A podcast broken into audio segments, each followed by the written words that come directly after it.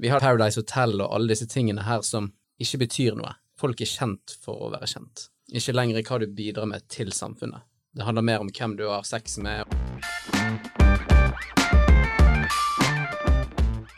Jeg tror for, for de rundt meg, så har nok perfeksjonismen gjort veldig mye bra, men det holdt jo på å, å ødelegge meg.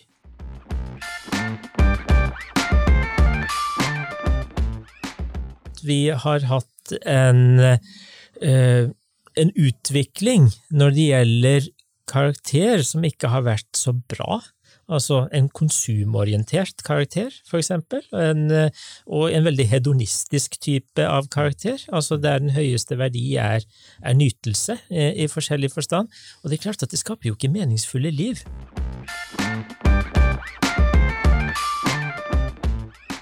Karakter er å gjøre det som er rett.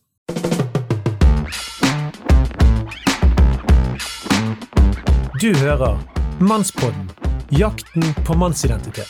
Bli med Andreas Skjelde og Einar Helgaas på din vei mot autentisk maskulinitet.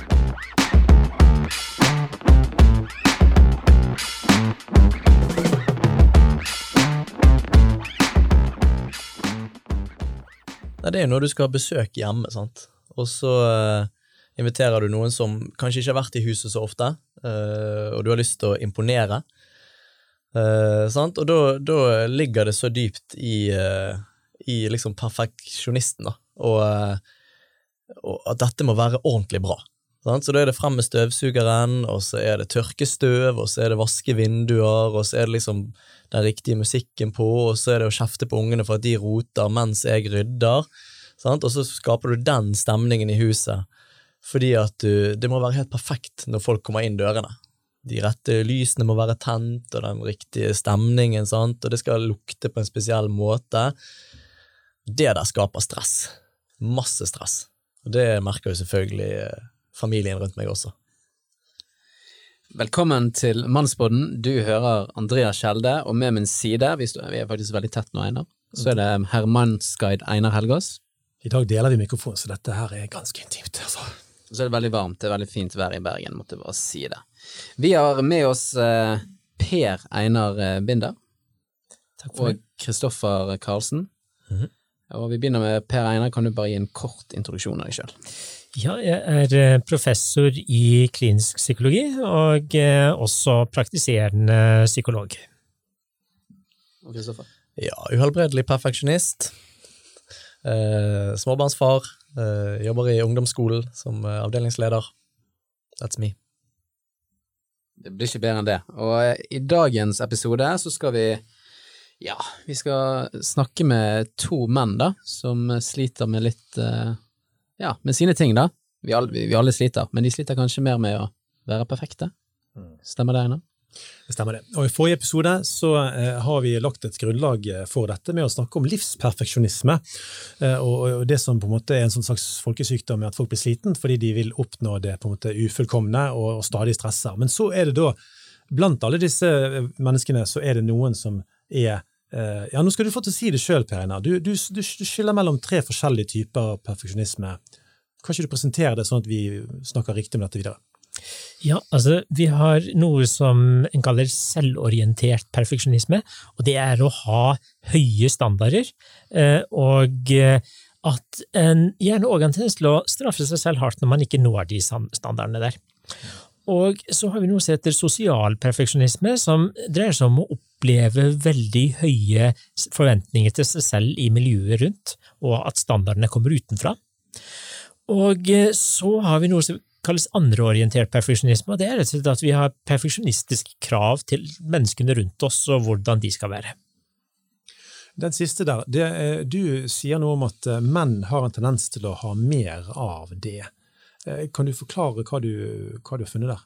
Du, det har vært noen studier som, eh, som har tyd, kan tyde på at menn har noe mer av denne andreorienterte perfeksjonismen. Altså, nå kan det òg ha sammenheng med at menn har litt mer narsissistiske trekk. eh, enn eh, kvinner, sånn på snitt. Eh, og Veldig glad for at du sa litt. Ja. litt mer. og det er, på en, på, det er på en topp når man er ca. 25, og så, så dabber det av med, med oss menn etter det. Eh, Så, men det er klart at når, hvis du har perfeksjonistiske trekk, så har du òg ganske høy standard for hvordan du ønsker at partneren din skal være, vennene dine skal være, osv. Så, videre. så Så her er det noe som et overlapp. Men du kan ha også andre altså en andreorientert perfeksjonisme uten anarkisk trekk. Og det betyr kort og godt at du har behov for at andre er på gitte måter. Men altså nå, Som psykolog, psykolog så vet jeg at du, du jobber jo med måte, ulike si, fagfelt i, som du trekker på, da, om det er biologi eller filosofi eller forskjellige ting. sant? Eh, Men, men dette med testosteron, vi har jo snakket om dette tidligere i mannsbåden, fordi det er jo si, det maskuline grunnstoffet, sammen med noen andre stoffer. da. Eh, Men tror du at, eh, at testosteronet som gir økt trøkk og økt konkurranselyst og eh, noe sånne eh, noe som blir litt spissere hos mannen, at det kan gjøre oss litt, litt, sånn, litt kommandanter av og til, og vi får lyst til å organisere verden på en, på en eh, som du sier, litt mer, for å bruke dette litt-begrepet, litt strammere måte. Det er jo sånn at perfeksjonisme vil òg kunne arte seg litt ulikt hos kvinner og menn, og det har jo sammenheng med at det er litt forskjellig det å være kvinne og mann, og, og leve på litt ulike måter. Eh, slik at eh, tradisjonelt sett så eh, tror jeg nok det du beskriver der kan, kan stemme. Og ikke sant at eh, maskuline miljøer har jo også i dag ofte en litt røffere stil eh, internt. Eh, kvinner har sine måter å være røffe på, så det er ikke noe å si på det. Men, eh, men det, det er veldig mye mer åpenbart eh, mellom menn. Stemmer. Yes, men jeg ble litt misunnelig på Kristoffer, eh, Andres, fordi han hadde en, en veldig stilig historie. Eh, Og jeg har, har en del eh, snacks på, på listen der. Her kommer konkurranselisten frem, det er bra. Det er helt riktig. Vi snakker om konkurranse, og nå konkurrerer vi. Men, men eh, altså det å være perfeksjonist, det er faktisk ganske krevende. Um, fordi at uh, det å ha disse standardene for seg sjøl, det, det, det der at du skal hele veien oppnå noe som kanskje er litt uoppnåelig, du- og det, det blir aldri godt nok, bare, bare en ting som jeg, jeg tenker på nå altså Jeg har jo hatt dette med meg i selvfølgelig veldig mange år. At jeg, jeg syns du aldri får gjort nok i løpet av en dag. Jeg synes det, Uken har aldri nok timer. Sant? Det er alltid altfor mye som overføres til i morgen. Fordi at jeg har en liste der det står kanskje ti ting jeg skal gjøre, så får jeg gjort tre ting den dagen. Det er jo helt vanlig. Det tror jeg mange kjenner seg igjen i som bruker lister. Jeg er litt systematiker òg. Og det er liksom sånn, er sånn svøpe på seg sjøl, da. At du, du Det er vanskelig å bare slappe, slappe av og tenke at dette, at det er greit. Så det, det er sånn fra der jeg er nå, da. Men eh, en av de gøyeste historiene fra min eh, perfeksjonistiske eh, livsstil, det er tilbake til Det er 22 år siden. For første gang skulle meg og mine foreldre og min kone reise på ferie til Nord-Norge og besøke min bror i Tromsø. Vi kalte denne reisen for Lupina 2000, for det var så mange vakre lupinablomster langs veikanten, så det høres veldig vakkert ut, dette. Men min far var begynt å bli en del år gammel, og vi, vi ville helst at jeg skulle kjøre bilen, så jeg kjørte veldig mye, bare for å ikke si mer om det. Jeg, jeg kjørte veldig mye oppover der, eh, for min kone kunne ikke kjøre, for min far var jo den mer patriarkalske typen. Han ville ikke akseptere at hun som kvinne skulle kjøre bilen, tror jeg. Så da ble jeg sittende veldig mye der framme med en rute som ble fylt med stadig, stadig mye mer eh, myggblod. Eh, Du kjører jo litt i noen kilometer i timen oppover der, og så, og så drepes jo myggen på ruten. Og jeg skulle jo se på det, naturen blir bare vakrere og vakrere. Sånn, Trøndelag, unnskyld jeg sier det, men de skogene der er litt kjedelig. Så kommer det opp i Helgeland der, og det blir bare finere og finere. Men så er det så mye mygg eh, på, på, eh, på ruten. Så jeg stoppet jo på, jeg vet ikke om det var annenhver bensinstasjon, men jeg stoppet altså så ofte for å vaske den ruten. Eh, sånn at jeg skulle få, få, få ha denne perfekte ruten og se den perfekte naturen. Det ble jo krevende. De måtte jo stagge meg og holde meg igjen etter hvert. Da. Du kan ikke gjøre det. Men i vårt ekteskap så er det jo sånn at altså, min kone har blitt tydeligere og tydeligere. Eh? Det er jo en sånn, det har vært en reise for henne. For jeg er litt sånn, kan være litt tog på en del ting. Eh, ganske bestemt og, og, og målrettet på ting. Eh, Men hun klarte det, klarte å stoppe meg litt. Men du store min, jeg ble så tatt av at jeg ville at det skulle være perfekt. Men dere hadde ikke vindusviskere på bilen?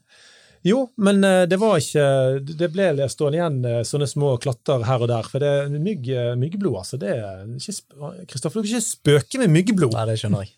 Herlighet, altså. Ja. Så, eh, så akkurat dette Jeg er jo ikke like heftig på dette i dag. Jeg har jo fått jobbet med det, da. Eh, men, eh, men, eh, men eh, Og jeg har jo lurt på hvor Altså, hva, hva kommer dette av? sant?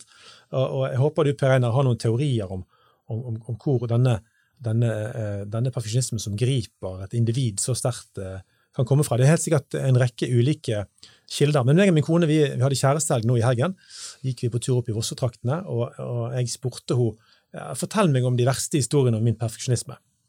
Uh, og eh, ja, det var litt å ta i, da, så vi, vi gikk fra Kiellandbu og innover der tilbake til eh, Bergsdalen, og jeg fikk høre en god del forskjellige ting. Det meste var ikke nytt akkurat da. Men så slo det meg plutselig hm, det høres ut som jeg er usikker. Altså, det høres ut som jeg har en usikkerhet som fører til at jeg må oppnå visse standarder, eh, og da kan jeg òg bli sett av mennesker. Altså, jeg er jo som artist har gitt ut plater? Og, og da raffinerer du det til det ytterste, og det er jo for så vidt det du skal med musikk. da. Ellers er det kanskje ikke Eller jeg har tenkt at hvorfor skal jeg gi det ut på, på, på, på plate hvis ikke det er skikkelig? Men, men, hva er grunnen til at du gjør det? Sant? Hva er det du skal reparere? Hva er det du skal oppnå? Hva, hva tenker dere kan være grunner for det? Mm. Jeg tenker jo at perfeksjonismen har flere ulike kilder, og um, det kan dreie seg om standarder i miljøet man har vokst opp. Det vil jo påvirke oss. Det kan være forventninger en har fått eh, mot seg selv, og det kan være foreldres angst for hva som skjer hvis ting ikke er perfekt, altså angsten for at avkommet ikke skal klare seg godt nok, og så videre, så smitter fort over på barn. Og så har vi òg perfeksjonisme som handler om å ha opplevd mye kaos i livet, som gjør at en føler behov for orden. Og så er det vel kanskje også rett og slett noe perfeksjonisme som dreier seg om eksistensen selv. Altså, vi vet jo på en måte at uh, vi aldri får helt orden i livet. Det er alltid en smerte i livet. Det, det er noe vi aldri kommer helt unna. At uh, vi kommer til å oppleve tap, for eksempel, i livet. Vi vet også at døden ruller der i andre enden. Og opp mot dette her, så, ja, så kan dette her være en måte å prøve å få kontroll på noe i eksistensen vår som vi faktisk ikke kan ha kontroll på, men som vi kan føle et veldig sterkt behov for kontroll på. Altså Når jeg har leitet tilbake i min egen historie uh, og prøvd å tenke hvor kommer dette her fra, dette mønsteret etter å alltid skulle liksom strekke seg lenger og gjøre det bedre og måle seg opp med andre og nå høyere og jeg har vokst opp i en familie sant, med foreldre som ikke har lagt stor vekt på prestasjoner, og de har rost meg for prosess, og, og på en måte, jeg klarer ikke å finne noe sånt der, men, men, for meg så er det mye som handler om det at jeg vokste opp i et toppidrettsmiljø. Uh, og så var det to ting i livet jeg trengte å fokusere på. Det ene var å bli best mulig i idrett, og det andre var å, å bli best mulig på skolen. Og alle andre områder de ble sekundære. De var helt uviktige. Det var egentlig ikke, var ikke borti andre områder i mange år av livet. Mm. Og da, da var det jo ganske lett og, og, og, prøve å gjøre det perfekt. For det var bare to områder som skulle liksom mestres. Mm. Og, og, som toppidrettsutøver så er jo det hele poenget, det. At du skal bruke all tiden du har på det ene. Og da, da er det ikke så vanskelig. Eh, nå ble jo jeg aldri perfekt som håndballspiller, da, men, eh, men, jeg prøvde. Men så, eh, men så, så ser jeg jo det at når jeg har blitt eldre og fått familie og fått barn og skal jobbe og skal ha hus og hage og bil og og mange ting, sant, så, kanskje, så går det ikke an å være like nøye på alt sammen.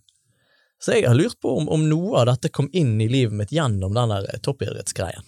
Um, men hva tenker du om det, Per Einar? Det gir veldig god mening, og det er jo faktisk også en risikofaktor når det gjelder perfeksjonisme å være dyktig i noe.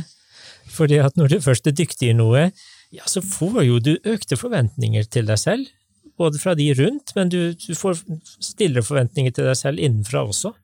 Og, og, da kan du være i gang. Ikke sant? Og da kan det være det ene som tar, det andre der. Mm.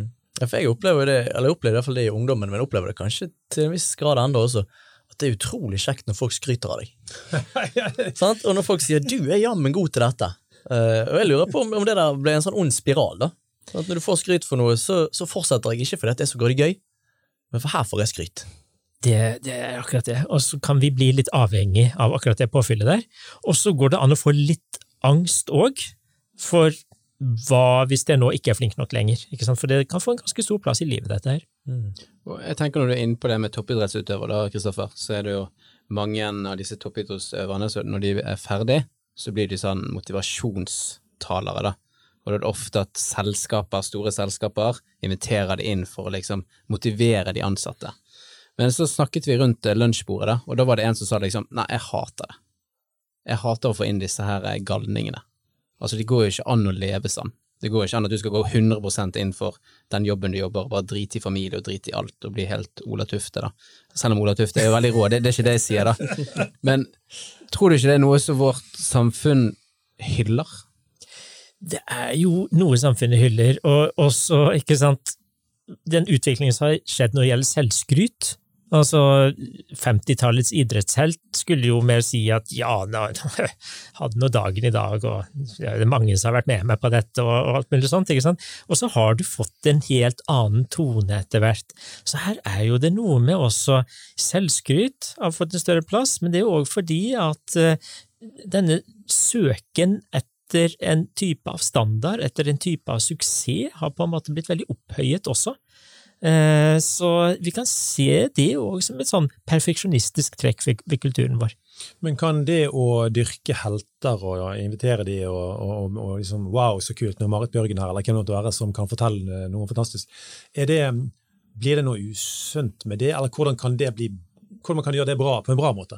Ikke sant, De er jo så forskjellige, disse menneskene her òg, og det er litt viktig å ha med. slik at Det er jo noe med at Er det noen som kan òg beskrive at det handler om å jobbe for noe som er meningsfullt for en, eh, og også være ærlig på hva ting koster, og at en eh, at en kan òg vise noe sårbarhet i denne prosessen her, ja, så er vi jo et litt annet sted. For det er jo noe med disse her eh, glansbildene som vi ser, at vi, vi ser jo bare det glansbildet på det ene området. Marit Bjørgen var heisegod å på ski, men, eh, men eh, hvor ryddig var det i huset hennes? Hva hage hadde hun? Hva, hvordan er det med familielivet? Hvordan står det til med utdanning og sunne interesser og hjelpe andre? og det, det, vet vi jo egentlig ikke. sant? Vi ser jo, Iallfall gjennom sosiale medier, så ser vi jo bare glansbildet. Og så tenker vi å ja, det er sånn standarden skal være. Men det er jo bare på ett område, gjerne. Mm. De, de musklene, Det er få kvinner med sånne muskler, i hvert fall. Det er helt sikkert. Ja, og så tror jeg liksom det med det du iallfall beskriver da, Kristoffer. Det var to områder. Det var håndball, og så var det skole. Og resten dret du i. Eller du hadde ikke, skal ikke energi til egentlig å liksom bli god på de områdene heller, da. Nei, nei jeg fikk ikke Jeg begynte å få skryt på de områdene der. Da var det bare å gønne på. Men akkurat det med den skryten, sånn, for eh, det var jo en som sa en gang la oss kappes om å, om å, om å hedre hverandre. Altså, vi, vi, vi, kan jo ikke gå rundt og forvente av at ethvert menneske skal vokse opp og bli så trygg på seg sjøl at man bare vet at jeg er bra, jeg, uten at det speiles sosialt. Sant? Vi er jo sosiale individer, ikke sant? Så hvordan kan en få til det der på en fornuftig måte med at, at uh, jo, vi, vi, gir hverandre oppmuntring, vi anerkjenner hverandre, vi sier gode ting til hverandre, uh, men så skal ikke det gå til hodet og bli uh, den primærdriveren vår for alt vi holder på med. ikke sant? Mm der er jo det òg noe med at vi kan lett skape rosavhengighet eh, når den responsen vi gir til hverandre, er ros. Altså fordi av og til så kommer vi med ros heller enn å spørre ja, hvordan var det, da? Hva var det som skjedde der? Hvem var det du var sammen med? Hva betydde dette for deg? Ikke sant? Det tar mer tid, det tar mer energi, det, men så kan vi heller bare si oi, så flott at du klarte det, oi, så bra, ikke sant? Så, så, det er jo en litt overflatisk måte å være sammen på også. Litt lettvint, eller? Det er lettvint. Det er jo å trykke like på sosiale medier, det tar ikke mange kalorier, altså. Er, er vi der, altså? Oi sann, ok. Ja, jeg skjønner. Mm. Nei, men, men, men, igjen, sant, altså, vi, vi, eh, vi, vi kan ikke leve isolert, sant? Eh, og, og jeg tenker eh, en, en, slags culture of honor i en positiv forstand må jo kunne finnes. Definitivt. Altså, for når vi snakker òg om dette med sosial status, så er det òg slik at alle er jo opptatt av sosial status. Altså Hvis du sier at du ikke er opptatt av sosial status, så er det mest sannsynlig fordi at du har en høy sosial status. Hvis du ikke har sosial status i det hele tatt, vel, du ville komme til å merke det. ikke sant? Hvis folk virkelig så ned på deg, og du var helt i marginen av samfunnet. Så, nei, så det betyr noe for oss, og det som da er viktig, er jo at vi blir klar over hvordan søken etter status påvirker oss, og at vi kan gjøre bevisste valg der òg. Eh, at vi kan se nå, det, nå blir jeg litt for opptatt av rosen her, men er det dette her jeg virkelig trenger å holde på med, det er dette jeg virkelig vil holde på med. Og det er noe med at status, ja, det kan også handle om verdier. Vi ser òg opp til folk som har sunne verdier, som har gjort gode valg. Slik at det er ikke bare suksess og kompetansekriterier for status.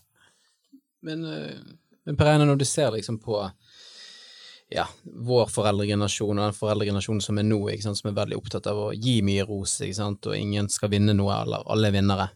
Eh, hvordan skal vi møte dette her på en fornuftig måte overfor kanskje barna eh, våre, og hva ville du anbefalt da? Jeg ville tenkt som så at eh, går an å skru litt ned på rosen, og skru litt mer opp på nysgjerrighet på prosessen. Altså, så her ser jeg du virkelig er i gang med å jobbe. Dette er spennende, ikke sant? Som er en, en mye mer interessant tilbakemelding å få enn oi, så flott, så bra, og så flink du er. Ikke sant? Det er et punktum i det. Slik at Det er en sånn frase som er utrolig lett å lire av seg i hytt og pine fordi man vil barnet sitt vel. Ja, og så det er jo gjort med de beste intensjoner. Altså, så, sant, Jeg flåset litt med det i sted, at det koster ikke mange kalorier å trykke et like, liksom. Nei, nei, ja. Men, men eh, stort sett så kommer vi jo med ros fordi at vi, vi ønsker folk vel, og det er en måte å vise at vi synes om folk på. Men vi trenger jo bare å få et rikere språk, vi trenger å si flere ting på litt andre måter, og få litt annen type av, av interaksjon her. Så jeg har mye mer tro på å gå mer inn i ja, hva er det som foregår her? Hva er det som skjer, hva er det som opptar deg? Hva, Altså, ikke sant? Bare se på dette med noe så banalt som en barnetegning. Oi, så fin den er! Så kan den fort legges ned, men aha, ja, men her var jo en kanin! Og så en løve bak der, hva som skjer her, da? Ikke sant? Hvis du går inn i tegningen, så, så er jo vi i en kontaktform som er mye mer utviklende enn denne rosen. Kristoffer, du er jo pedagog, så disse tingene gjør du sikkert helt perfekt med dine barn, ikke det? Absolutt. Jeg Tror ikke jeg har feilet én gang på dette, nei. Nei.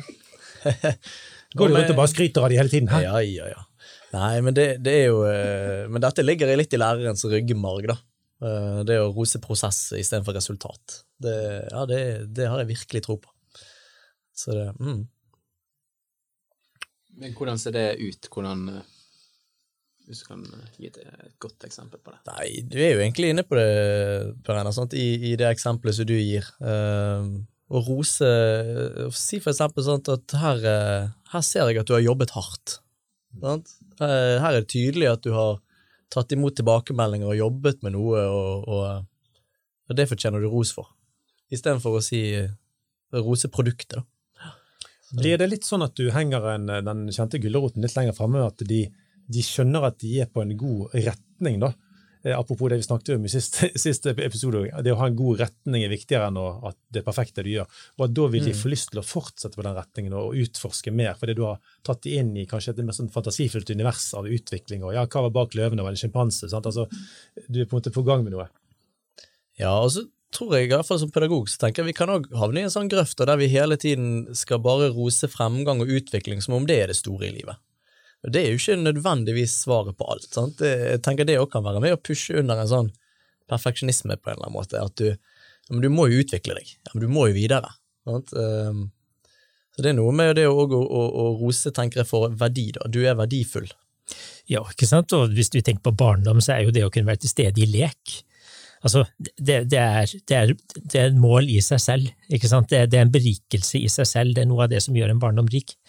Og, og det handler jo ikke om produkt uh, i det hele tatt. Så, så, det er jo noe med at ros er på en måte nødvendig, fordi at vi gir et signal på retning.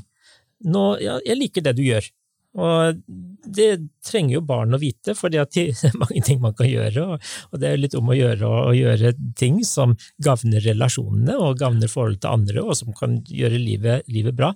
Men samtidig, hvis du hele tiden får høre 'jeg liker det du gjør', så kan du òg oppfatte det som at det viktigste i livet er å gjøre. Og da er vi i trøbbel. Der, Hva tenker du om å være i forhold til å gjøre det, Per Einar? Det er nettopp det, at når barna er i leken, og når vi som voksne er i leken, for det er jo vi også i gylne øyeblikk, ja, så er vi bare. Altså, ikke sant? Da er vi oppslukt.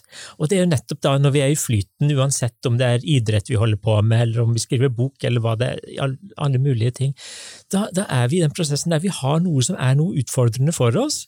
Eh, det verste er jo at det faktisk ofte det, det kan være mild frustrasjon i det også, eh, for ellers er det kjedelig, men du skal jo bryne deg litt. Grann. Og når du, når du er der, ja, så er du ikke opptatt av produkter. Mm. Altså, da, da, da, det er ett eksempel på bare været, som, som, er mye energi. Så har du andre eksempler som er mer, mer at du, du, mediterer og bare kjenner stillheten, selvfølgelig. Et menneske i flytsonen er jo et lykkelig menneske, men du, når du kommer i flytsonen, så du kan jo ha måttet gjøre en jobb for å mestre noe, sånn at du kommer i den flytsonen. Men det er jo òg en del av livet, at du må, du må, bygge, du må bygge kompetanse, og så finner du flytsoner og, og sånn? Jeg må jo si noen av de menneskene som jeg eh, kan bli mest sånn misunnelig på, det er mennesker som, som, evner å bare være til stede og nyte livet uten at de alltid må et sted, eller alltid produsere noe, eller Jeg er jo skrudd sammen sånn at jeg hele tiden liksom bare leter etter hva, hva kan jeg utvikle, og hva kan bli bedre, og sant? Nå må det være noe effektivt her, sant? er det noe vits? Og, men, men så har jeg en del eh, venner som jeg eh, blir positivt utfordret av, da. Som er, har en egen evne til å bare eh, nyte livet sånn som det er. Det, det kjenner jeg trigger meg, utfordrer perfeksjonisme. da. Men hvordan klarer de å lokke deg med på den, eh, den, det nærværsreiseopplegget? Altså, klarer de det? Ikke hittil. Ikke hittil. Men jeg har lyst til å lære. Så når du sitter rundt en bålpanne med noen venner og sånt, og de prøver å få deg til å gå ned, så sitter du allikevel og tripper litt etter noe, litt, litt sånn uh, produksjon? Ja, da er det jo noe i meg, sant, som, og det kan du sikkert kjenne deg igjen i. Hva er poenget med å bare sitte her liksom for å sitte her? Ja. Sånn, må jo, det må jo være noe mål med dette. Uh, det er noe av det som jeg lengter etter å lære mer av i livet. da. Mm. Det trenger ikke alltid være så målrettet. Ikke sant? Så vi trenger den balansen mellom å være og å gjøre. Og når vi har mer mulighet til å være, så er det òg da restitusjon skjer ofte. Mm. Slik at, og jeg sier begge deler, fordi å, å ha et liv der du bare skal være uten å gjøre, da Vel, altså, det som også gir mening i livet, er jo å ta ansvar for noe. Altså å ha en betydning for noe. Slik at det, det er jo noe som definitivt er, er, et arbeid, og som der du investerer, der det koster deg noe, og der du vil være ubehag med i det også. Og som en del av det som du tenker faktisk hører med. Så så det, det, det, er jo det at det må være begge deler, for når du bare gjør den, vel, da får du ikke restituert kroppen din, du får ikke restituert sinnet ditt, og du går veldig mye. Du. Ja, for Preina, du er jo da professor i psykologi, eh, og psykologi er jo kanskje en av de studiene du må ha høyest karaktersnitt for å komme inn hvordan eh, Jeg kan se for meg, da, eller har en liten mistanke om at det er en del perfeksjonister blant eh, din studentmasse. Hvordan møter du, du som psykologspesialist og professor de, når du skal lære de om å ikke være så perfekte? Du, vi gjør det sånn egentlig at jeg, jeg, er inne helt nå i starten av studiet eh, og snakker om selvivaretakelse, og snakker der også om perfeksjonisme som en risikofaktor for utbrenthet både blant psykologer og blant studenter. Og eh, da ser vi, og da er det noe med å bli, bli, kjent med at dette er et fenomen, og slett ikke alle der er perfeksjonister, det er det ikke i det hele tatt, men, men, det er jo en viktig utfordring for enhver psykolog å ha kjennskap til uansett, så dette her er, er et bra tema å ta opp. Eh, og da ser vi òg på måter å ja, behandle seg selv på, som er ikke-perfeksjonistiske, og eh, ja, hvordan man kan gi plass til det i livet. Eksempler? Da tenker jeg særlig på dette her med å behandle seg selv med vennlighet når en går på en smell, fordi at der sliter jo perfeksjonisten. At uh, når en mislykkes, og det gjør man ofte, for å si det sånn, så blir en veldig, veldig røff med seg selv. Så da er det noe med å først bli kjent med denne indre kritikken, og finne ja, hva er det mest vennlige du kunne si til deg selv da, når du hadde vondt? Du mener ikke idiot, altså? Det, jeg tror det fins en, en, en, en topp forbi idiot på vennlighet. Ja. Men eh, Brenna, du, du trekker en kobling mellom perfeksjonisme og utbrenthet. Mm. Uh, og det, det kan jeg relatere til. Sant? Jeg, jeg eh, visste ikke at jeg uh, hadde perfeksjonistiske trekk før jeg var midt i 30-årene og holdt på å gå på en smell. Sant? Og begynte å, bli, begynte å kjenne det i kroppen, og, og trodde selvfølgelig at det var et eller annet annet, sant? og hadde ikke tid til å gå til legen. Og, og så etter hvert så gikk jeg til en lege, og de fant jo ingenting. Ikke Sant. virus. Det var ikke et virus. Uh, de prøvde i alle bøyer og kanter å finne noe sant? men det var ingenting. uh, og, så, og så traff jeg en øre-nese-hals-lege som hadde et ekstra minutt ledig sikkert, mellom to pasienter, og hun spurte meg om det er ikke stress, da. Og da, eh, og da stakk hun hull på en sånn boble. For da for første gang begynte jeg å tenke, kan det være det? Jeg som hadde liksom identitet i å ikke stresse, Sånn. Perfekt på ikke å stresse. Hadde du det? Ja da, altså jeg, jeg tenkte om meg sjøl at jeg var absolutt ikke en stresset person. Og, du. Og så, når jeg begynte å utforske det her, sant, sammen med samtalepartnere, så, så skjønte jeg jo at jeg er jo kjempestresset. Jeg begynte å lære å kjenne etter i kroppen, og begynte å, å forstå at dette er jo perfeksjonisme. Det er altfor høye krav på altfor mange områder. Ja. Og det går jo ikke an å leve med. Og det ble jo rett og slett, eller var iallfall begynt å bli syk ut av. Eh, Og heldigvis da, så fikk jeg jo hjelp til å snu. Men hva var, det, hva var det i den prosessen som hjalp deg til å snu? Først så oppdaget du hva det var for noe, at det er perfeksjonisme, eh, og, og, og så begynner du å analysere hvordan du har levd og hvordan du lever. Men la oss spørre om det først, da. Andre uttrykk for din perfeksjonisme som var med å bidra til at du kunne se dette bildet? Eh, Nei, det, det som hjalp meg mye, var vel egentlig at jeg ble veiledet til en bok, en sånn selvhjelpsbok om perfeksjonisme. Eh, Og den er jo full av eksempler. sant? Du får lov å krysse av litt underveis, og da begynte jeg å kjenne igjen de mønstrene. Og så eh, fikk jeg litt hjelp av en psykomotorisk fysioterapeut til å lære å kjenne etter i kroppen. Hvordan kjennes det etter i kroppen når jeg stresser? Og det var litt flaut å da være 35-36 år og ha null kjennskap til min egen kropp, og hvordan den reagerer på stress. Um, men da, eh, for meg var det veldig stor hjelp i å, å lese om disse eksemplene og begynne å kjenne igjen i mitt eget liv. Ja, men dette er perfeksjonisme. Ja, men dette er perfeksjonisme. Eh, område etter område. Og så, og så når jeg ble bevisst på det, så kunne jeg òg være bevisst på at jeg må jo ikke følge alle de tankene der. Jeg er ikke nødt til å gjøre alt det der, som, selv om jeg føler for. Eh, så det var noe av hjelpen da, ut av det. Hvordan har du begynt å stoppe tanker som tar deg i perfeksjonistisk retning? Hva er det, verktøy har du fått for å stoppe dette? Nei, jeg er en veldig enkel mann. Sånn, så, jeg, eh, så, så jeg bare sluttet, jeg. Med, med de områdene etter hvert som jeg merket det. Når jeg kjente den trangen etter at nå skal vi ha besøk, jeg må eh, støvsuge hele huset, så bare lot jeg være. Og det gikk jo helt fint. Det var jo et kjempehyggelig besøk. Jeg brukte kanskje litt krefter på om de så etter støvet, men veldig lite. Mindre, mindre i dag enn for fem år siden, i hvert fall. Ja, ja. ja. Så det går jo i rett vei, men det går jo sakte. Saktere enn en perfeksjonist skulle ønske at det gikk. Men handler dette mest uh, om deg sjøl og et indre stress? Hvordan, uh, hvis du tar litt eksempler, hvis du har det, hva, hva sier din kone om perfeksjonisten Kristoffer? Eller din- dine barn? Det er, ikke, det er ikke sikkert de har et rikt språk, men kanskje de har reagert på noe med deg som er et uttrykk for perfeksjonisme. Hva kan du si om de tingene? Jeg, vet, jeg, jeg tenker jo sånn om perfeksjonisme at det er òg en veldig bra ting. Sant? det at, eh, at du får gjort mye, eh, og du holder deg i form, sant? iallfall meg, for der har kropp vært noe av det som jeg har jobbet med, og, og jeg er produktiv, og jeg er ambisiøs, og har mange mål. Sånn at jeg tror at for min familie så har det vært veldig bra på mange områder at jeg er perfeksjonist. Og så kan det bikke over. Uh, Og det som min kone da merker det på, det er at jeg blir jeg kan bli litt sånn klaget klagete og sutrete. For når stresset bygger seg opp, så blir jeg litt sånn nå, må vi, nå må vi skjerpe oss her. Uh, både overfor hun og overfor barna, og, og ti ganger så mye overfor meg sjøl. Litt eksempler, Kristoffer. Kom igjen. Ja, nei, men det er jo bare det at uh, Typisk en ting sant, kan være når ungene har det rotete på rommet. Sånn, så kan jeg kjenne at sånn som dette vil ikke jeg ha det. Og så blir jeg for streng med dem. Det er jo deres rom. Egentlig kan de få rote så mye som de vil. Det er jo ikke mitt rom. Jeg kan bare lukke døren, jeg slipper å se på det. sant? Det er jo så enkelt. Men, um, men da kan jeg bli litt sånn der, eh, litt eh, kritisk og kritiserende og, og ja, ikke kjærlig, sånn som jeg ønsker å være. da. Så det, det får sånne utslag. Eh, Men, men som sagt, jeg tror for, for de rundt meg, så har nok perfeksjonismen gjort veldig mye bra, men det holdt jo på å, å ødelegge meg. Mm.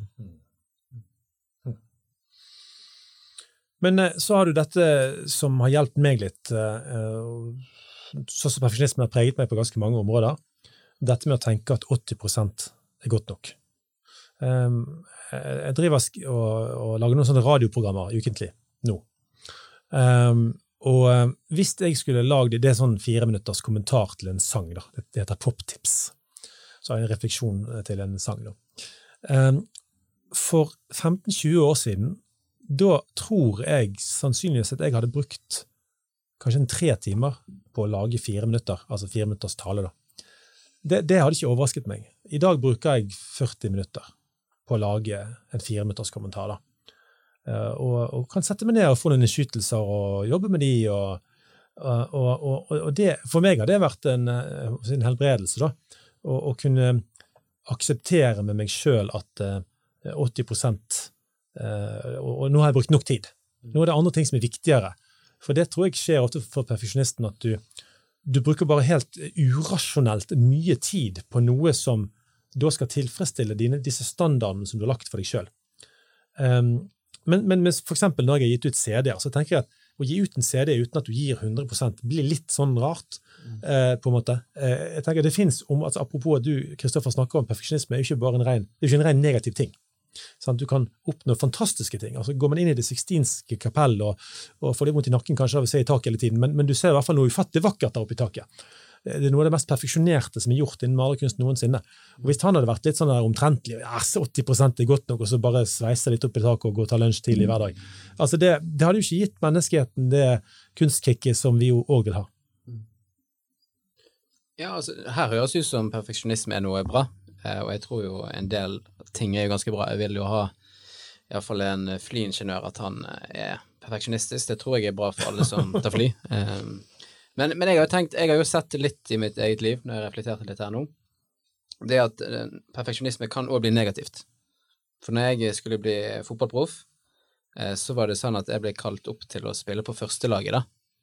Men da var det sånn at jeg ikke kunne kontrollere den kampen, og på grunn av at jeg ikke klarte å kontrollere den kampen, så sa jeg nei, jeg vil heller spille med andrelaget. For jeg mente sjøl at jeg ikke var på det nivået eh, knyttet til førstelaget, da. Selv om trenere mente at jeg var god nok for førstelaget. Eh, så det er jo på en måte litt mer sånn negativt ladet perfeksjonisme, da. Mm. At man liksom klarer ikke å kontrollere det. Jeg tror jeg måtte trene mer, måtte ha mange flere kamper før, sånn som jeg kunne Akkurat som det ble et sjakkbrett, nesten. da. Og hvis jeg ikke klarte å forutse brikkene, eller spill, eller pasningene, så da ville jeg ikke spille, da. Ikke sant, Det viser jo litt hvor sammensatt perfeksjonisme kan være. Mm. Eh, altså, det, kan være at du har såpass høye standarder at du gir opp i utgangspunktet, altså, som kan være definitivt destruktivt. Og det kan òg være den at den røffe delen av den blir så sterk, altså at den behandler seg selv så dårlig på veien at det er et, et veldig stort problem, og at den blir veldig selvfordømmende når man ikke når opp til standard.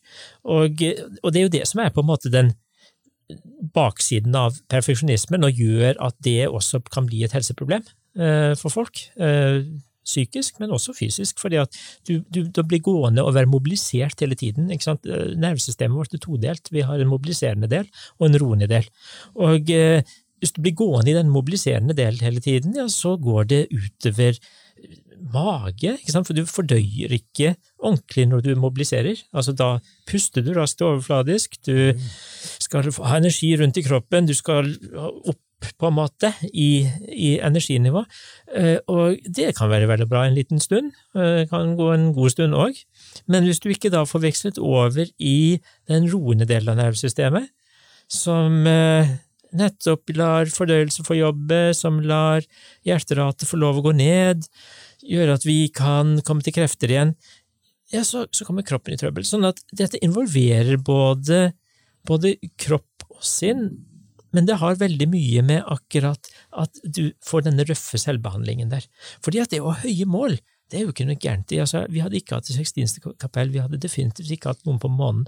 Og klart at Hvis det noensinne skulle trenge hjernekirurgi, ja, så foretrekker jeg at kirurgen har eh, visse standarder på det han holder på med. Eh, men jeg håper jo også at det er en kar som, har, eh, som slapper av etterpå.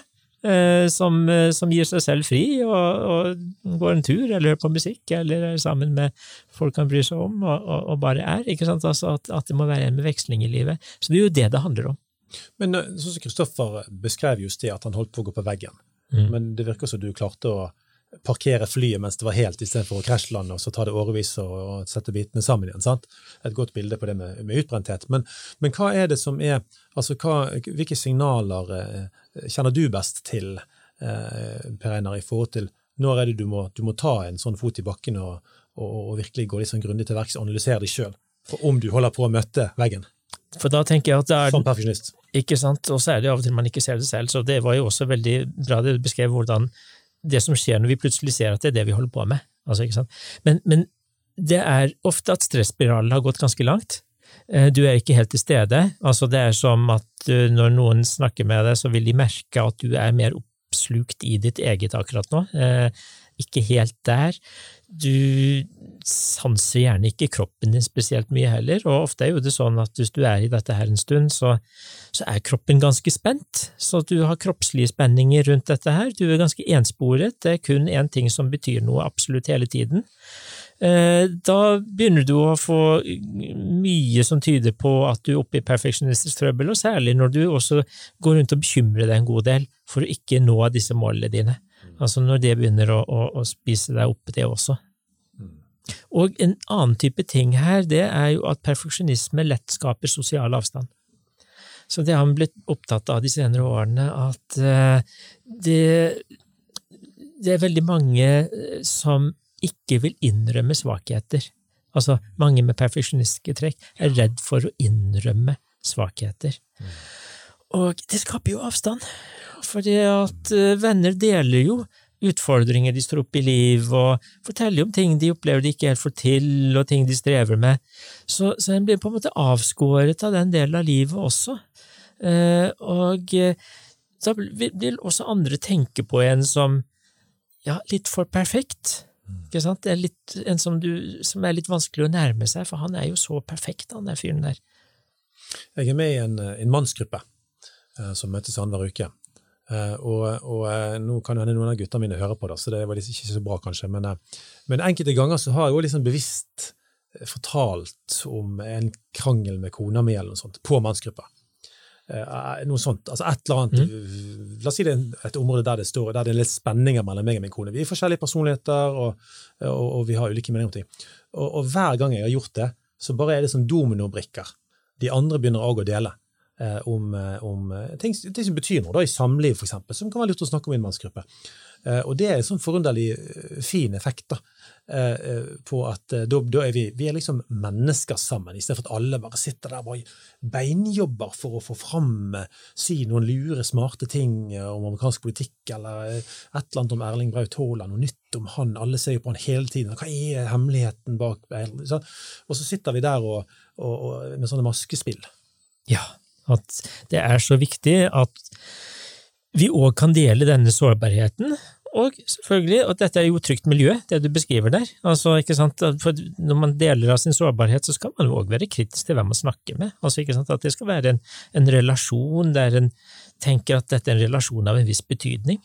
Eh, og, og, det må vi ha. Og, og det er klart at der er det òg Jeg pleier jo å si til mannlige pasienter at det er, det er viktig at det er at det er hele to venner i livet ditt, altså i tillegg til partneren din, at du, du må ha en venn til òg. og, og, og, der er jo dessverre ganske mange. Altså at de har ikke denne vennen nummer to. Uh, og uh, det er risikabelt. Altså, for det, det, er jo det nettopp det at uh, det kan bli selvfølgelig for stort trykk på et ekteskap når det ikke er vennskap andre steder, men så er det òg det at livet forringes ut av det. Jeg pleier å kalle det for konegrøfta. Sant? At når du, du, Kona skal være alt for deg. Sant? Elskerinne og, og sjelesørger, og, og, og, du skal liksom gjøre alt sammen. Det er, det er too much to bear. us. Det er å slite ut eh, partneren sin. Så jeg, eh, Vi skal jobbe mer med dette i Formannsbåten. Brorskap er et av de større temaene vi kommer til å jobbe med over mange episoder. Fordi vi tenker det er så ekstremt viktig at menn kan være sammen med andre menn, og ikke bare rundt disse litt enkle variantene at vi ser en fotballkamp. Eh, det er flott, det. Ingenting imot det.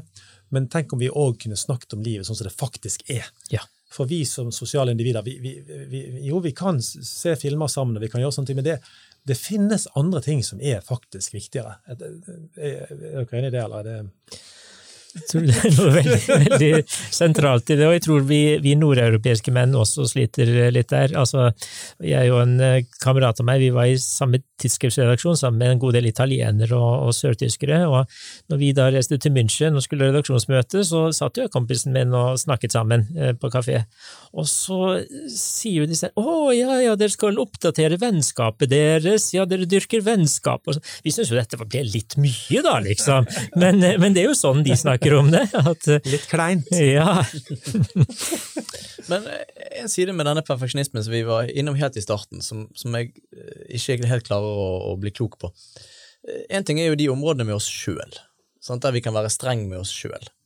Men, men flere av oss har opplevd å få barn, og så begynner man å speile sin egen suksess gjennom barna. Eh, så, så, god i fotball, så god i håndball, så god i svømming, så gode karakterer på skolen. Eh, og så, og så start, er det en spiral gående der på et område som du nesten ikke kan være inne og påvirke. Ja. Der sitter mye i genene. Eh, hvordan, hvordan, forholder vi oss til de tingene som vi ikke kan styre sjøl? Jeg tror litt tilbake til det at vi skal være bevisst at ja, vi er statussøkende vesener. Og eh, det å i, dette her så ligger jo det òg et ønske om at det skulle gå bra med barna, altså ikke sant, som en del av en selv. Eh, så det er noe med at hvis du blir det bevisst, så kan vi òg begynne å tenke på ja, men er dette så bra? Altså, tjener dette barna, tjener dette meg? Det er jo da vi kan ta de valgene på å se om lager vi et press her nå som ikke vil er denne gutten her, er det egentlig det som opptar han? Er det fotball som egentlig opptar han? Er det kanskje andre ting her? Blir nysgjerrig på det. Mm. Så den faren der for at vi ser de som er nær oss litt i forlengelse av oss selv, den, den, eh, den trenger vi òg å være oppmerksom på å bryte ut av. Mm.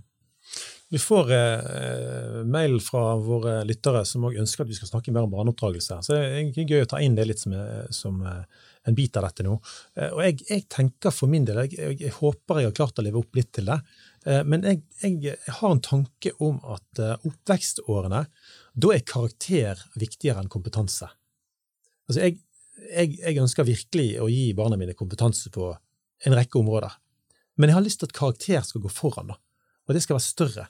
Altså at, altså at, at grunnleggende verdier, altså som du snakker om, ja, men å være god mot andre, eh, klare å håndtere konflikter sammen i en vennegjeng, og, og ikke bare springe unna. Altså det å det å, å, tenke at jeg faktisk, altså jeg er faktisk her ikke bare for å surre rundt min egen navle og, og jobbe for min egen suksess, jeg, jeg, vil gjøre verden bedre for andre. Og da tenker, Jeg tenker det er et, et vern i det. da.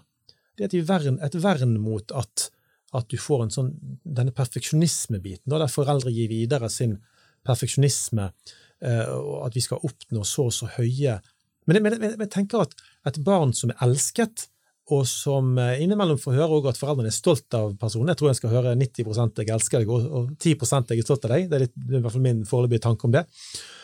Da tenker jeg at da blir man trygg på seg sjøl. Og hva skjer med en person, person som er trygg på seg sjøl? Den vil få kontakt med sin kreativitet og, sin, og, og, og hvem den faktisk er. Sant? Og vil da blomstre som det den er.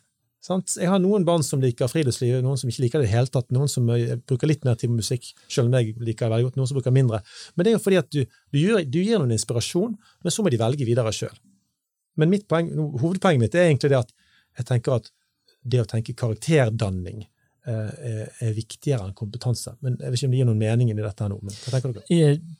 Syns det gir mening. Altså, for det, det, handler om at vi handler ut fra Altså, karakter er jo å handle ut fra verdier, og, og trene seg på. For det trenger jo trening òg. Bare tenk på det som psykolog òg. Jeg kan godt tenke at empati er en veldig god idé. Men eh, hvis jeg ikke trener på empati, så, så, blir det ikke noen del av min karakter. Eh, så, så, alle de tingene vi tenker er viktige å stå for, de, de krever også trening, og det viser seg veldig gjennom en oppvekst. Slik at jeg tenker at karakter er nok undervurdert. Eh, og, og kompetanse i en litt annen, smalere forstand er også noe overvurdert. Jeg har lyst til å slenge inn eh, fra en annen vinkel, for det er politikk, faktisk. Altså, jeg, jeg, har tenkt de siste årene at eh, altså et demokrati uten karakter, det står på veldig vaklende bein. Og det jeg synes vi ser, ikke bare i USA, der ting er så voldsomt om dagen, men òg i Norge, sant? med utnyttelse av eh, disse boligene i forhold til skattegreier og, og, sånt. Sant? Altså, ja, altså Det er så lett for at du får lyst til å ta litt ekstra av en kake når du først er i nærheten av den. sant? Jeg tenker at Å bygge et demokrati, da er karakter det er mer sentralt enn kompetanse og posisjon. Sant? Og Det trenger jo òg våre folkevalgte å speile til oss. Sant? Det er litt trist, det der, for det skaper litt sånn eh, en type mistillit til systemet som ikke har vært helt vant til i Norge. For jeg syns i utgangspunktet vi har hatt ganske sunne kulturer på dette. Eh, jeg vet ikke hva dere tenker om det. Det, det er flere ting som jeg tenker er, er viktig. Altså, jeg tror vi overvurderer identitet og legger for lite, lite vekt på, på karakter. Altså, mm. Hvem vi er og selvfølelsen vår legger vi veldig stor vekt på, men vi legger forholdsvis da lite vekt på hvordan er det du faktisk handler i verden, da? Mm. Altså, det er jo det som er karakteren din, og det er jo det som blir stående etter deg. Ikke, ikke hvordan du har følt deg selv. Eh, så, så, det er eh, Og begge deler er viktig for all del, ikke sant? Altså, men hensikten med identitet er jo egentlig å danne grunnlag for karakteren, og at du nettopp har verdier som du identifiserer deg med som du er viktig, og som du faktisk handler etter, og der du påtar deg ansvar. Ikke sant? Et meningsfullt liv innebærer jo ansvar, mm, og det er jo det som gir retning. Så, og, Jordan B. Peterson ville sagt amen nå, tror jeg. Ja, det, det, det ville, ville, alle de gamle eksistensialistene også, sånn at det, det er et stort, stort, selskap på det der. der. Ja. Så, så, og, og, når vi òg tenker på liksom det, med kjendiseriet, og, og, at det å få oppmerksomhet blir så viktig i seg selv ikke sant? Altså, Det som er fellesnevner mellom Trump, eh, Mahatma Gandhi, Martin Luther King, Putin Putin eh, Ja, det er jo Eller ta Dalai Lama med også. Det er jo det at de er kjendiser. Ja. Ikke sant? Eh, men så er det noe med Hvem ønsker at barna deres skal bli som Donald Trump, for eksempel? Jeg tror ikke det er så veldig Selv folk som stemmer på han og eh, syns han er kul og alt mulig sånn, de ville jo helst ikke det. Altså, de ville hatt at barna skulle ha en karakter, på en måte. Sånn at uh, vi, vi, er for lite fokusert på verdiforankret status. Fordi at det å faktisk stå for noe godt, det gir òg status, det gir òg trygghet i samfunnet. Det er klart at det blir ikke bra hvis du, hvis du, gjør gode ting for å få status, men, men poenget er at det, det er kompatibelt. Altså, du, du, blir ikke et utskudd i samfunnet av å ha gode verdier, tvert imot. Det gir trygghet for barn å ha gode verdier. Det gir trygghet, og det gjør også at de blir samfunnsborgere som, som vil fungere veldig godt sammen med andre mennesker mm. når, når de utvikler karakteren sin. Men, men, tror du ikke dette her òg er litt sånn typisk for uh, samfunn, da, generelt? at samfunn begynner egentlig veldig dårlig, så utvikler de seg, de er mer og mer produktive, og de jobber, og så får de en veldig stor velstand. Man hadde jo Før var det jo liksom det nederlandske riket var det største. Eh, så var det sånn at da var det billigere arbeidskraft i Storbritannia, faktisk. Så når man skulle bygge skip, så var det sånn at man eh, leide inn en nederlandsk skipsbygger, og så brukte man britisk eh, arbeidskraft. da. Men etter hvert så begynte jo liksom Storbritannia eller britene å bli rike og rikere, og så ble det det nye riket. Eh, er ikke litt sånn som man ser i Vesten, at Vesten er jo litt på hell, da, hvis du tenker, for vi bryr oss ikke så mye om karakter lenger. Innovasjonstakten har gått veldig mye ned. Eh, vi jobber mindre, vi syter mer, og man har, ja, og man har liksom Vi har liksom Paradise Hotel og alle disse tingene her som ikke betyr noe. Folk er kjent for å være kjent. Mm, mm. Ikke lenger hva du bidrar med til samfunnet.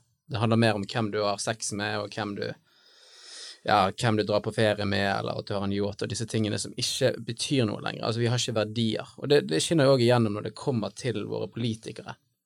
Eh, at det er på en måte en Jeg vet ikke, jeg tror av og til at samfunn må av og til, som har vært bra, av og til begynner å råtne, men da er det liksom den forråtnelsen og den ødeleggelsen vil bringe ut noe nytt. da. Nå høres det veldig dystert ut. men... profiterer du nå? Jeg profiterer kanskje veldig her, men eh, jeg tror det er noe med det, da. Jeg vet ikke hva, nå, ble det veldig... Du beskriver en karakterkrise, ikke det? Ja, det er en karakterkrise som kanskje begynner i det små. Det, og, og, og, om det er syklusride eller hva det er, det, det skal jeg ikke si noe om, men, men at vi har hatt en eh, en utvikling når det gjelder karakter som ikke har vært så bra. Altså en konsumorientert karakter, for eksempel, en, eh, og en veldig hedonistisk type av karakter, altså der den høyeste verdi er, er nytelse i, i forskjellig forstand. Og det er klart at det skaper jo ikke meningsfulle liv. Altså, det er eh, da, da, er det jo nettopp det ansvaret som mangler, og det å kunne koble seg igjen på noe som, som er større enn en selve. Mm. Og det er heller selv vi kan få lov å være litt lite og få litt pause. Og eh, som er jo veien til rikere liv, da. Altså Maskulin ridderlighet, som det snakkes jo veldig lite om dagen, det er jo selvfornektelse nettopp for å, og, og, gjøre verden bedre for andre, verne andre, kjempe for andre. Det er jo en god, det må være en god vei å gå i dag, men ut fra sånn som du beskriver det, Andreas, så er det klart at her, her trengs det jo å pusse støv av noen idealer som har eh, sovet litt nå. Jeg tror det har skjedd noe her som vi må gripe fatt i, eh, og det er klart at ting ja, var jo ikke nødvendigvis dårlig før heller. Altså, ikke sant, det har jo vært eh, Det har jo vært eh, veldig mye vekt på nettopp verdier og karakter før forbruket satt inn her, så, så det er der jeg tenker mer at ja, noe har skjedd her, noe har, har gått i oppløsning, og, og, det gjør folk rastløse, og det gjør òg samfunnet sårbart. Ja, og jeg tror ikke det handler litt om den fellesskapsfokuset, da.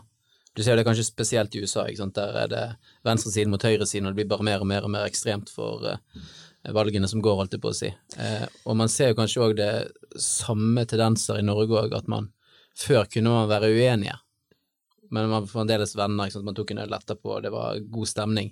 Men nå er det nesten sånn, nei, hvis du gjør sånn, så kan jeg ikke være med deg. Du er patetisk, du er tragisk, og det ene og det andre. Og det blir igjen identiteter igjen. Ja, ikke sant? Så da er man overopptatt av identitet, og igjen for lite opptatt av, av karakter. Hva, hva, er dette for en person? Hva, hva er det, hvordan er det den handler i verden? Så et begrep som jeg har forsvunnet ut, er jo ydmykhet. Og eh, Slå et slag slå et slag nå! Nå slår jeg et slag for ydmykheten. For at ydmykheten lar deg lære noe. Altså, hvis du tror du vet allerede det meste, ja, så blir du rett og slett ganske dum.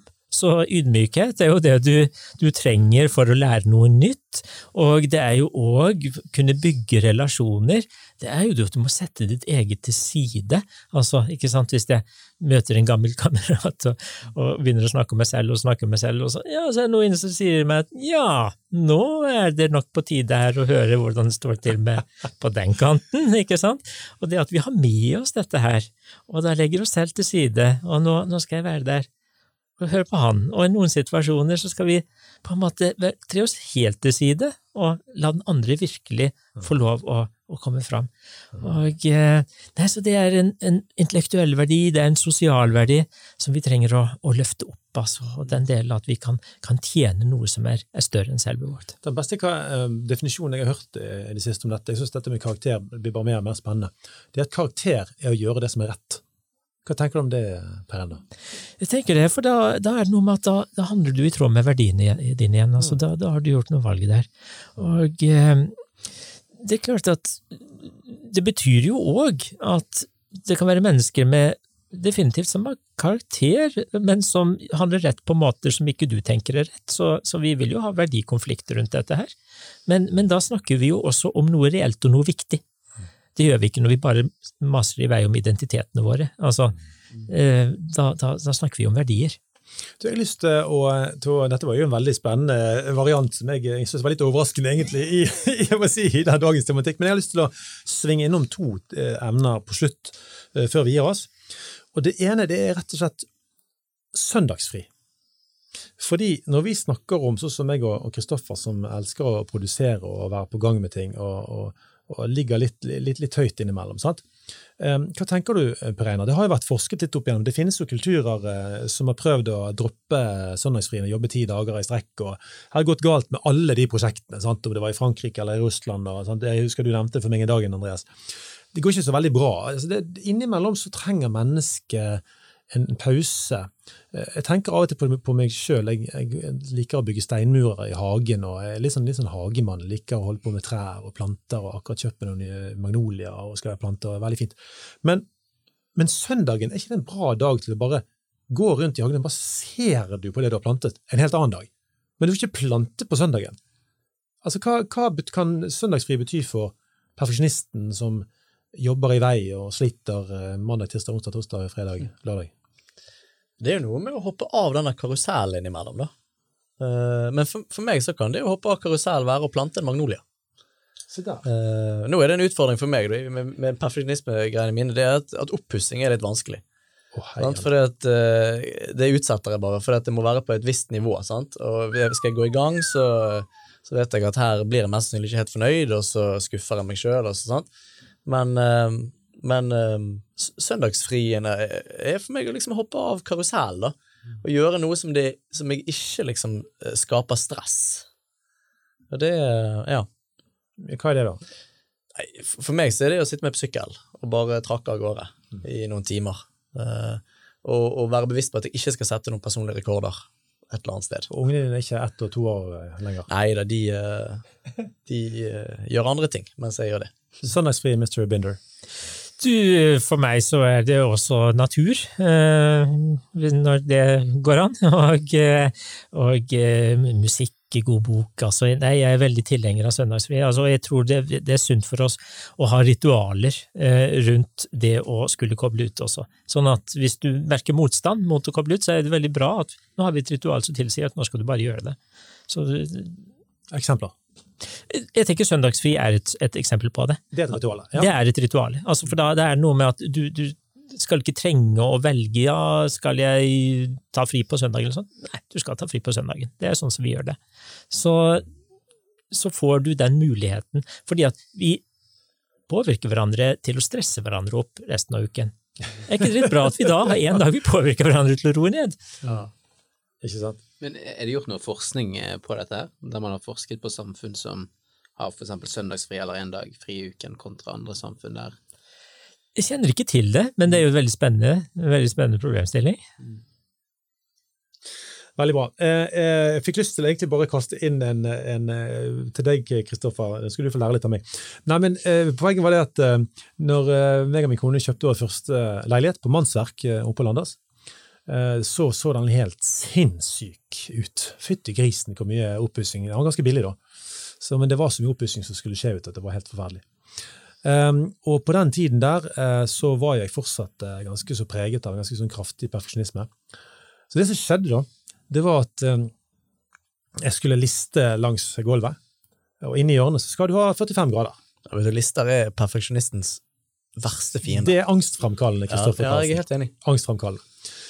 Eh, og det min kone beskriver, da, jeg har jo sikkert prøvd å fortrenge dette, men når, når jeg gikk på tur eh, i går med min kone, og hun skulle forklare hvordan det var å leve med meg den gangen, så forteller hun det at jeg, jeg jobbet i fem-ti minutter, og så la jeg meg på sofaen helt utslitt av å ha forsøkt. Fordi, tenk hvis det ikke blir perfekt 45 graders vinkel inn i hjørnet, og jeg kan fortelle deg, jeg er ganske trygg på at jeg sannsynligvis målte lik avstand mellom spikrene eller skruene på listene. Det gjør aldri en snekker. De måler ikke avstand sånn at det skal være fem til halv meter mellom spikkene. De tar det på øyemål. For det, for det er godt nok. Godt nok. Du, du bare smiler, du bare ler, du. Ja, men jeg kjenner meg igjen dette. Ja, ja sant? Men, men altså, ak akkurat her eh, ja, syns du jeg har kommet på et greit sted. Jeg snekker veranda og terrasse og sånne ting. Eh, og, og jeg gjør det nok mer nøye enn mange ville gjort det, men, men, men jobben blir jo gjort, da. Men jeg husker, husker jeg første gang jeg skulle bygge veranda hjemme hos oss eh, der vi bor nå. Og var, det var flere ganger hånda mi var på vei mot vateren, og så måtte jeg bare dra den tilbake igjen. Slå på den nesten og dra den tilbake igjen. Du får ikke lov til å måle en gang til. Fordi at jeg kan måle for mange ganger. Sant? Eh, og det, det er liksom perfeksjonisten som skal bygge. Da kan det bli eh, ja, Og koner som har menn som er perfeksjonister, som skal prøve å bygge noe. Ja, det er jo eh, kunne vært en egen podkast om bare det. For det er, koner vil at ting det skal se fint ut, og det skal skje fort. Det er sant, det. Og så står vi der, ute. Hos oss så eh, sender jeg alle ut av huset. Da kan du jobbe. Da kan jeg pusse opp. Ja. Ellers så blir det dårlig stemning. Så bra. Men du, det er mitt siste punkt. Nå uh, gjør vi episoden litt lenger uh, enn en time her, men jeg, jeg syns nå, er vi- nå er vi på god, uh, på god gass med disse tingene. Og det er, det er jo fordi vi er Mannspodden. Og du var så vidt inne på dette, Per Einar, i forrige episode. Men jeg vet at du har mer å komme med i forhold til kjønn og perfeksjonisme. Kan ikke du begynne med forskjellen i, i forskning og undersøkelser på, på kvinner og menn i forhold til perfeksjonisme? altså, det en ser, er jo at dette her er ikke sånn episenteret for kjønnsforskjeller. Altså, det er det ikke, fordi at både Mm. menn og kvinner er perfeksjonister. Mm. Eh, og eh, det kan være litt ulike arenaer. Tidligere så så jeg at menn litt hyppigere var karriereorienterte perfeksjonister. Men jeg har en mistanke om at den forskningen kanskje går, begynner å gå litt ut på dato. Mm. Så eh, det som en har vært opptatt av, det er jo hvordan menn responderer på sosial perfeksjonisme. Altså det å ha veldig veldig høye forventninger eh, rundt seg, og oppleve at en ikke lever helt opp til de forventningene. Altså at en føler at en må, og bør og skal, men ikke helt klarer det. Og det en ser her, er jo at det å falle i sosial status, for eksempel, som en da lett gjør, det er en veldig risikofaktor eh, for menn. Altså, og det må jeg også si som klinisk psykolog. Det, altså jeg har jo jobbet med gjerne folk som kunne være selvskadende og sånne forskjellige ting, og det kan jo være ganske krevende, men virkelig sovet dårlig om natten, det er gjerne når det har vært en mann som har gjort et brak i sosial status? Som, som har vært vel ansett, og så plutselig er ute i, i kulden der. Det er jo en risikofaktor òg når det gjelder suicidalitet, ikke sant. Eh, Så eh, det er jo ikke slett ikke Altså, dette er jo dette er en gruppe av de, de som gjør selvmord, der en tenker at det kan handle nettopp om sosial foreskrevet sosial, eh, perfeksjonisme. At man opplever et fall i status sosialt, ja, eller som kan ja, opplever et fall i status, eller står i risiko. Du bare ser det fallet i hvitøyet, tenker du, ja, sånn, ja. og så, eh, og så får du en, en, en opplevelse av at det ville være bedre å ikke være der. Så, så da, er du, da har du blitt fullstendig låst i dette tankesystemet, ikke sant. Eh, Og eh, i det store og hele så vet vi jo at den sosiale perfeksjonismen faktisk er den verste. Altså det er den som okay. tar mest på den psykiske helsen til folk. Det, Men er menn mer sårbare, eller hva, hva tenkte du der? Altså, du, når du snakker om suicidalitet, altså selvmord? Altså, som er jo, det er jo helt grusomme tall eh, på, på dette i Norge, og der menn eh, det er vel tre ganger mer. det er nettopp det. Eller fire ganger mer, er det det? Ja, noe sånt. Men, men altså, hva tenker du om, om koblingene her? det, det, er tenker, altså det, det er jo koblingen i kraft av at faktisk flere menn tar livet av seg. Og, eh, og også koblingen opp mot hva vi ser at hva statusfall gjør med menn her. Så, så tenker jeg at det er selvfølgelig skummelt for kvinner også med denne sosiale perfeksjonismen, men det kan kanskje være en ekstra faktor å være oppmerksom på når det gjelder menn. Men jeg et spørsmål, hva er det som gjør at kvinner ser ut som at de takler det her eh, bedre da, enn menn? Du, det kan være at de har flere venner å dele nederlagene sine med, ikke sant? Og det er et nederlag som du kan dele med en andre, det, det, det mister litt av den brodden, Det gjør det, vet du. ikke sant? Så du hva, De har så lett for å sette seg på en kafé, og de har så lett for å fortelle akkurat hvordan de har det. Og de speiler hverandre, og de trenger ikke nødvendigvis alltid løsninger engang. Sant? Altså, det, men men en, en luftet sjel er jo en lettet sjel. det er akkurat det. Sånn at, så hvis du, ikke sant, du tåler jo et visst fall hvis du føler at du har teamet ditt der, Ja. som kan ta imot deg. Eh, og eh, en del av disse mennene har jo ikke det. Så det er jo det som, som gjør situasjonen litt skumlere. Jeg har faktisk lyst til å avslutte eh, med noe Nå skal jeg være litt sprek her. Eh, kan jeg få lov til å være litt sprek, Andreas? Kjør på. Eller syns du Nei. Ja. Men altså, Bjørn Eidsvåg har en sang som er dukket opp i mitt hode i forberedelsen av dette. Han har en sang som heter Sånn som oss. Er du redd for å miste maska? Er du redd for at vi skal se? Redd for å ikke være god nok? Redd for ikke å strekke til? Er du redd for å bli avslørt, og for at vi skal se akkurat det? Da er du sånn som oss. Da er du sånn som vi er. Da er du sånn som vi er. Da er du sånn som oss. Du vet litt om hva fred er, men mer om å slåss. Da bryter du snart fartsgrenser på vei til ensomhet. At korttidsvinning er langtidstapp, det er det du som vet. Og så kommer det en um, fin Denne synger jeg. Det du trodde var ingenmannsland, er allemannsland, min venn. I det å komme til kort, kjenner alle seg igjen. Og det, tenker jeg, er så viktig, både for perfeksjonister og livsperfeksjonister, at uh, det er noe som heter allemannsland. Og det er det stedet der alle menneskene er. Og der alle menneskene er, der er vi med svakheter, og vi er der med styrker. Og hvis vi kan være sammen om det, hvis vi kan dele rundt det, eh, og det må ikke skje på en kafé, men kan være andre steder, Eh, vi, vi, vi, kan være, Det kan koblet opp til idrett eller aktivitet. Alle menn må ikke det, men de, mange menn vil det. Det har vi sett i Mannsboden Norge, vi har gjort en liten undersøkelse på det. De fleste vil være sammen med kamerater i rammen av aktivitet, ikke sitte i ro. Sånn? Ja, men det går an å snakke sammen innimellom om det. Hvordan, hvordan, det går med arbeidspress, og hvordan det går med for unge menn som ikke har funnet seg en dame og kjenner på press der, og sant? alle vennene mine har giftet seg, jeg er den siste som ikke er gift. Sant? ja, du kan jo pakke sammen, men du kan òg manne deg opp. Du kan tenke deg at dine muligheter er ikke godt, sant? Og, og kjempe videre eh, for, eh, for, deg sjøl. Jeg tenker det er en fin avslutning. Eh, og da vil vi takke Per Einar Binder, Kristoffer Karlsen. Takk for at dere var med oss på disse to episodene. Det sitter vi utrolig, utrolig stor pris på, og det tror jeg du som lytter òg gjør. Ja, Einar, da ja, nei, nå, eh, nå, må vi eh, bare si at uh, del dette, da, med kvinner og altså, det er jo, altså, nå, Kvinneandelen vår er på 34 Hva syns du om det, Per Einar? At Mannspodden, jakten på mannsidentitet, har 34 kvinnelige lyttere? Hva tenker du om det som, uh, som psykolog? Det, det er strålende, det. altså. Du liker det? Det, det liker jeg. Det, det, handler vel om at temaene har en aktualitet på tvers, og at uh, en mann er jo òg et slags menneske, kan du si. Hæ, hva sier du for noe? Er jo helt sensasjonelt. Representant for Art. Tusen takk. yes, men, eh, men, gutta, bli med oss i, i, i, i Facebook-gruppen vår på Mannsbåten. Bare søk inn der, og Andreas mm. slipper deg inn i det gode selskap. Det gjør jeg. Og, og fortsett å gi oss reviews, og, og, gi oss litt stjerner på Apple Podcaster og Spotify. Og det, det betyr at flere kommer til å få høre oss. Mm. Og når du snakker med folk, hvis du er begeistret over det vi holder på med i episodene våre, hvorfor ikke lufte det på lunsjen på jobben? Har du hørt Manspodden? Det tror jeg er en av de beste tingene du kan gjøre. Da får du iallfall en samtale, om ikke annet. Og vi takker for oss på Sohana. Saramushe! Mens du venter på neste episode, del gjerne Mannsbåten med fem andre menn, så de kan koble seg på jakten på mannsidentitet i en kjønnsnøytral tid. Hvis du ønsker å lære enda mer om denne tematikken, følg Mannsbåten på sosiale medier. Vi snakkes.